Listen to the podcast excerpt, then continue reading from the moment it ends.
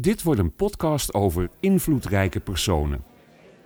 Ik bedoel geen politici, tv-presentatoren of columnisten. De komende minuten hoor je gesprekken met minder bekende mensen die toch bezig zijn de wereld te vernieuwen en te veranderen. Deze innovatieve doeners en denkers maken ons leven aangenamer. Als het goed is, worden ze er zelf ook beter van, maar dat is lang niet altijd zeker. Misschien ben jij er wel één van.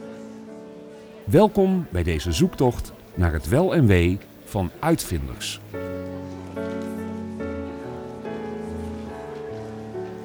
Mijn naam is Gerard Oonk en dit audioverhaal wordt je aangeboden door Octrooicentrum Nederland. Je krijgt een inkijkje in de wereld van intellectueel eigendom. Je hoort wat je kunt doen om innovatieve ideeën en ontwerpen vast te leggen, zodat niemand ermee aan de haal kan gaan. Ik ga op bezoek bij twee slimme ondernemers die duurzame producten maken van de wortels van paddenstoelen. Dit is Jan Berbé. Ik voel mij een beetje uitvinder, een beetje eh, ondernemer en ook een beetje idealist. En dit is Anielle Hoytink.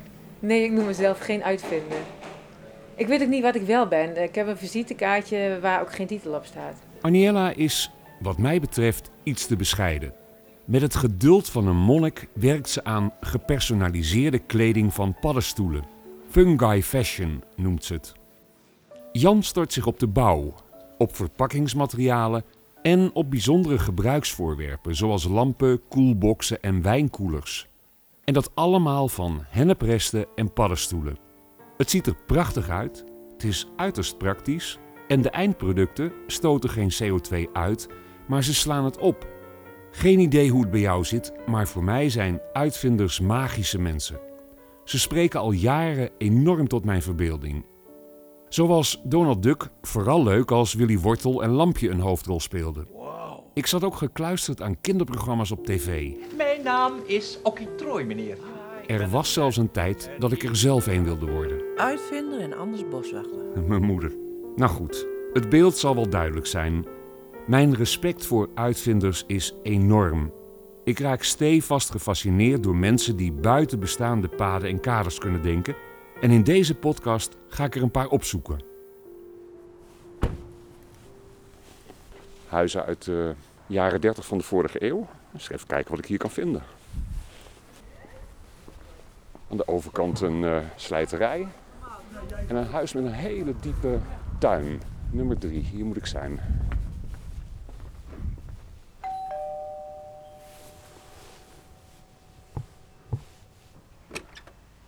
Hoi. Ja. Ik heb een afspraak met Aniela. Ja, dat ben ik, Aniela. Kom verder. Aniela wil zichzelf dus geen uitvinder noemen, ondanks haar ongelooflijk innovatieve en ook eigenwijze blik op de kledingindustrie. Ze is wars van verspilling en zoekt al jaren naar mogelijkheden om anders om te gaan met grondstoffen. Ik zie uh, verbanden tussen industrieën die andere mensen wellicht niet zien. En dan vind ik niet dat je per se een uitvinder bent. Ik leg gewoon connecties. Er, er was niemand die dacht dat je van mycelium kleding kon maken. En ik hoor wat die eigenschappen zijn. En ik denk alleen maar, god, als we dat toch geen kleding konden krijgen, dan hoeven we al dat metaal niet te gebruiken. En dat zijn dingen, ja, dat vind ik niet dat je echt een uitvinder bent. Maar dan, je ziet mogelijkheden waar anderen ze niet zien. Dat is het eigenlijk meer. Voor Aniella geen grote woorden en poespas. Het zullen haar achterhoekse roots zijn, want ze houdt het graag eenvoudig. Dat geldt ook voor haar woon- en werkruimte. Het is bijna allemaal klein en simpel. Boven op de overloop zijn twee deuren. De een gaat naar een kantoortje waar Aniella de administratie doet, en achter de andere deur zit het atelier. Dit is anders, hè? Wat zie ik hier? Ik doe wel even de deur dicht, want uh, we hebben bepaalde omstandigheden die we moeten houden. Wat je hier ziet zijn uh, allemaal samples van testjes die wij doen om het materiaal te verbeteren. Dus om het sterker te maken, uh, gladder, een beetje wat de klant wil. Dit ziet er niet uit als stof die je Nee, dit aankunt- zijn mislukte proeven. ja, dat bestaat ook. Ik heb hier wel wat samples, die kun je... Ja, dit is echt super flexibel. Oh ja, dit voelt een beetje aan als een eh, soort van rubberen jas of zo. Ja, sommigen vinden het wat leerachtig. Ja. En dus, eh, dit is wat meer papier. En dit is dus allemaal paddenstoelenwortel. Ja, ja. Gecombineerd met andere vezels nu. En je hebt paspoppen. Ja. Verschillende maten ook, want dat is voor mij heel belangrijk. Dit ziet er voor mij het meeste uit als al echte kleding. Ja, dat klopt. Ja, Het zijn allemaal een soort van bierviltjes over ja, het elkaar. zijn de, de rondjes van de petrischaal die je daar ziet. Ja, in dit geval is het een, een deel van de kraag. Ik heb hier bijvoorbeeld nog een jas staan. Een beetje verstopt, want we komen plek tekort. Maar dit is dus eh, al een jas van, eh, ja, hoe moet een kledingstuk in 3D eruit zien? Oh ja, dit, dit voelt weer een beetje zoals dat rubber. Het leer. Ja, En het voelt ook wel een beetje... ja hij is een beetje Vettig. plakkerig nu. eh. dat komt omdat we nog wat dingen moeten verbeteren. Dus je zit midden in het ontwikkelproces. Ja, ja wij- wij, en, en de reden waarom eh, je al producten ziet, is dat wij ontwikkelen voor 3D. Dus dat betekent wat normaal gesproken gedaan wordt bij textielontwikkeling, is dat je dat voor het platte vlak ontwikkelt. Van daaruit worden patroondelen gesneden en die worden aan elkaar genaaid. Maar dat levert eh 10 tot 30 procent snijafval op. En eh, doordat wij dingen gelijk in 3D ontwikkelen, heb je dat afval al niet. Dus als ik een jasje bij jou zou willen bestellen, Ja. dan meet je mij op. Ja. Daar maak je dan 3D een tweede Gerard van. Ja? En dan hang je er een jasje omheen. Ja, ja en ehm, ik hoef je niet op te meten, want in de toekomst gaan we naar 3D bodyscanning. Ehm, je ziet dat bijvoorbeeld in Amerika dat het heel veel gedaan wordt voor sport. Zodat ze, dat je echt eh, ook de body mass kunt opnemen, je gewicht en, en je, je maat en zo. En dan kun je gaan sporten. Twee weken later meet je het weer. Kijk je of je verbetering hebt. Maar diezelfde data die kunnen wij gewoon gebruiken om straks onze mallen op in te stellen. En dan heb ik dus inderdaad eh, een mal van jouw lichaam. En daar wordt dan de kleding op gemaakt. Dan heb je geen restafval. Nee. Want dan maak je het precies zoals het uiteindelijk wordt. Ja. Heeft dat te maken met een idealisme bij jou om duurzaam te produceren? Nou, duurzaam is voor mij een onderdeel van innovatie. Ehm, maar het idealisme zit hem vooral erin dat ik eigenlijk al vanaf de academie bezig ben om eh, kleding te ontwikkelen die gepersonaliseerd is. Dus eh, dan kun je denken aan kleding die precies op maat is gemaakt, eh, maar ook kleding die wat voor je doet. Dus die, die je verzorgt of die bijvoorbeeld zonne-energie kan opwekken, eh, dat soort dingen. Dat is eigenlijk voor mij ja, mijn visie. Ik wil graag kleding maken die voor iedereen mogelijk is. En dus voor ieder lichaam, maar ook voor ieder mens. qua karakter of qua hoe je bent. Ja. De Mozartlaan in Breda, de Kamer van Koophandel. Hier ga ik Karen ontmoeten. En Karen kan me van alles vertellen over het aanvragen van patenten. Een drukte van belang hier. Alsjeblieft. Dag Karen. Ben jij nou veel op dit soort locaties? Ja, ik reis eh, hele stukken van het land door op zoek naar innovatieve ondernemers. En waarom zoek je die zelf actief op? Die kunnen toch ook naar jou toe komen? Dat klopt, het kan beide. Eh, maar niet elke innovatieve ondernemer heeft door dat je kosteloos en vrijblijvend bij ons terecht kan met vragen over intellectueel eigendom. En waarom doen jullie dat? Eh, we hebben een opdracht vanuit het ministerie van Economische Zaken en Klimaat om eh, innovatieve MKB en start-ups voor te lichten over hun mogelijkheden op het gebied van intellectueel eigendom. Jee. Pasjes en deuren.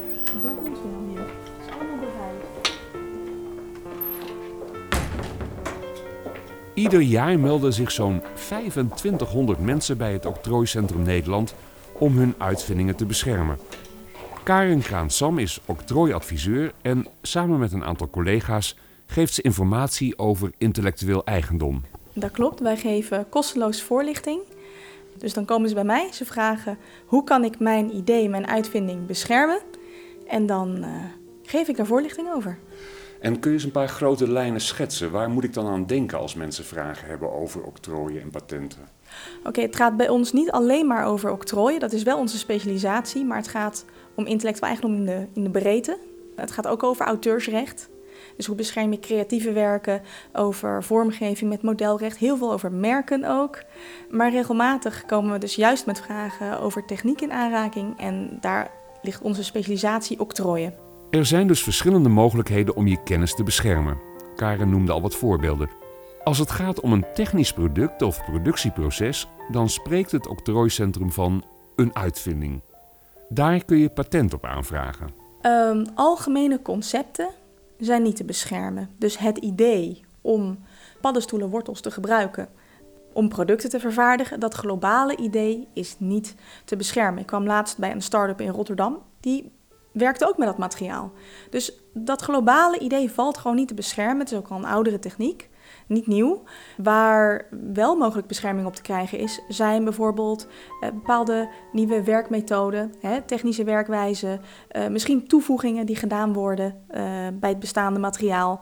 Dus of een nieuwe manier om die paddenstoelenwortels nog beter te laten groeien. Dus het gaat juist om de doorontwikkeling of technische toevoegingen of nieuwe technische bereidingswijzen. En die zijn mogelijk te beschermen en ik raad aan om die ook geheim te houden totdat eventueel een octrooiaanvraag heeft plaatsgevonden.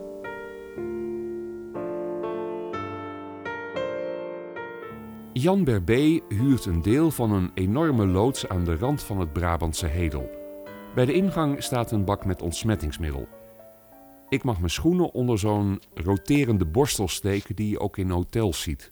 Viezigheid moet duidelijk buiten blijven. De ontmoeting met Jan is een feestje. Hij is razend enthousiast over de doorontwikkeling van zijn producten. Oké. Nou, dit is dus de voordeur van Crown.bio. En hier maken wij producten met mycelium en landbouwafval. Nou, welkom hier binnen. Uh, er wordt nu hard gewerkt, dus het staat allemaal vol. Dus we moeten even kruip door, sluip door uh, de fabriek in. Uh, maar het leuke is, we lopen meteen tegen een zak substraat aan. En je zult je afvragen, wat is nou substraat? Wat je hier ziet, is uh, gehakselde hennep. Uh, niet de hennep waar je van gaat, uh, gaat vliegen, maar dit is de industriële hennep. Dit zijn de landbouwresten die wij als basis voor ons substraat gebruiken. Dat substraat, als dat eenmaal klaar en gemengd is, dat stoppen wij in een mal, in een bepaalde vorm. En dan kunnen we er mooie dingen mee maken. Hier heb ik een voorbeeld van een, een bierblikjeshouder. Daar kun je mee naar het strand. Je bierblikje blijft de hele dag koud. Aan het einde van de dag En ik zou hem niet vergeten, neem hem mee naar huis. Maar als je hem vergeet, hij is 100% composteerbaar in de natuur. Dus je mag hem achterlaten. Dat zou ik zonde vinden overigens. Op de ochtend dat ik een rondleiding krijg, lopen er vier mensen in de fabriekshal. Ze schuiven kweekbakken vol mycelium in een behagelijk verwarmd compartiment. En iets verderop verdwijnen grote trolleys met productvormen in een gloeiend hete droogruimte. Het is echt een drukte van belang. Er hangt ook een ondefinieerbare geur, een soort mengvorm van natte aarde en verwarmd zaagsel. Ergens achteraan, in het rustigste hoekje van de hal, vraag ik Jan naar zijn drijfveren. Ik voel mij een beetje uitvinder, een beetje uh, ondernemer en ook een beetje idealist. Uitvinder is natuurlijk iets wat gewoon leuk is om te doen. Hè? Want door bezig te zijn met onze schimmels uh, en iedere keer nieuwe structuren eruit te halen, ga je daarover dieper nadenken. Het is eigenlijk een positieve spiraal. Het wordt steeds leuker. doordat we vandaag een bepaalde vorm maken met schimmels, denk je, hé, hey, hoe kan ik een nog mooiere of grotere vorm maken? Maar ook denk je na, hoe kan ik het sneller of met minder materiaal uh, doen? En dat is het ondernemerschap. En dat is de combinatie van uitvinden en ondernemen. Ik denk eerlijk gezegd dat elke ondernemer misschien ook wel een beetje uitvinder is. Want ja, een ondernemer probeert toch met iets nieuws op de markt te komen. Nou, dat zijn wij zeker met Mycelium ook aan het doen. Nou, is het zo dat een deel van jullie idee in Amerika bedacht is, ontwikkeld is en jullie borduren daarop voort. Ben je dan in één keer minder uitvinder en meer ondernemer? Uh, vier jaar geleden ontdekte ik het woordje mushroom packaging op het internet. En omdat ik in de verpakkingswereld actief ben, ben ik gaan zoeken wat hield dat dan precies in. En ik dacht dat het een verpakking was voor paddenstoelen. Het bleek een verpakking van paddenstoelen te zijn. Ik ben in contact gegaan met die mensen die dat uh, daar uh, ja, uitgevonden hebben, zal ik maar zeggen. Uh, en het ook gepatenteerd hebben. En in de periode van de afgelopen jaren hebben we een samenwerking opgebouwd die er uiteindelijk toe geleid heeft dat wij nu licentiehouder zijn. En in die samenwerking voelen wij ons niet als een uitvoerder van de uitvinder in Amerika, maar zijn we ons met der tijd steeds meer ook uitvinder gaan voelen. Want wat je merkt is dat aan die kant van de oceaan en aan deze kant van de oceaan we beide heel druk met deze nieuwe methode bezig zijn. Dus ook wij vinden uit. En betekent dat dat je, als je maar genoeg uitvindt aan deze kant van de oceaan, dat je uiteindelijk zelf weer een patent kunt gaan aanvragen op wat jullie dan doorontwikkeld hebben op die oorspronkelijke licentie? Doordat wij ook hier dingen uitvinden, bouwen we natuurlijk kennis op die een waarde heeft. En het is zeker zo dat wij voor die kennisopbouw een patent of bescherming in de vorm van intellectueel eigendom kunnen gaan opbouwen. Dat is ook wel een gedeelte van ons plan. Hè. We willen natuurlijk uh, die kennis graag delen, maar er zit ook een grote investering in die we willen beschermen. Octrooiadviseur Karen Sam sluit daarbij aan als ik haar vraag naar de kwaliteiten van Aniela en Jan. Ik zou ze scharen onder de innovatieve ondernemers. En een innovatieve ondernemer, die doet vaak veel meer dingen dan het stuk uitvinden. Uitvinden is op zichzelf al heel knap als je dat voor elkaar krijgt. Maar als je ook nog de aansluiting op de markt weet te vinden, een bedrijf weet op te bouwen en weet te verkopen en die lange termijnvisie hebt, ja, dat vind ik ontzettend knap als je dat bereikt. En dat gaat breder dan alleen het uitvinden aan zich. Karen geeft workshops over intellectueel eigendom. Ze vertelt dat ze aan het begin van een nieuwe bijeenkomst meestal de metafoor van de sleutelbos gebruikt. Nou staan we in een leeg en schemerig zaaltje van de Kamer van Koophandel in Breda, maar Karen is best bereid om even in haar rol van cursusleider te stappen. Wie heeft er vanmorgen, toen hij of zij de deur uitging, iets op slot gedaan? het zij een huis, een auto, een fiets. Dat is een retorische vraag. Uh, zeker als je in een wat uh, drukker gebied woont, dan weet je, ik moet dat op slot doen, anders raak ik mijn spullen kwijt. Dan komt er een inbreker, komt er een dief, dat weten we. Dus dat is een flauwe vraag. En voor onze fysieke spullen zijn wij gewend om ze op slot te doen. En dan stel ik de vraag, maar hoe zit het dan met de spullen die van jou zijn, maar die niet fysiek zijn? Jouw denkbeelden, jouw ideeën, jouw uitvindingen. Hoe zet je die dan op slot, zodat een onbevoegde daar niet mee vandoor kan gaan. En daar is waar intellectueel eigendom over gaat. Verschillende beschermingsvormen zorgen ervoor dat onbevoegden niet zomaar met jouw idee er vandoor gaan. Je kan het eigenlijk vergelijken met een hele sleutelbos, waarbij elke sleutel een, een, vorm is van intellectueel eigendom. De ene sleutel is dat bedrijfsgeheim, de andere een octrooi, de andere een merk, de ander een auteursrecht. Dus je brengt een product op de markt en met elk van die rechten versleutel je weer een stukje van dat product tegen namaak. De vormgeving bescherm je met modelrecht, je logo heb je beschermd, je hebt auteursrecht op je foto's, op je ontwerpen en je hebt mogelijk ook een octrooi op je techniek. Dus met al die verschillende sleuteltjes kun je dus jouw idee beveiligen tegen inbrekers of zoals wij dat noemen, inbreukmakers. Dit was de eerste podcast van Octrooicentrum Nederland. We hebben stilgestaan bij de mogelijkheden om je intellectueel eigendom te beschermen. In een volgende aflevering gaan we dieper in op een ander aspect van intellectueel eigendom, namelijk inspiratie. Neem bijvoorbeeld octrooidatabanken. Daarin staan maar liefst 110 miljoen octrooidocumenten. En dat is een echte schat aan informatie. Blijf ons volgen via de gebruikelijke podcastkanalen en de website rvo.nl. Voor nu bedankt voor het luisteren. Tot de volgende!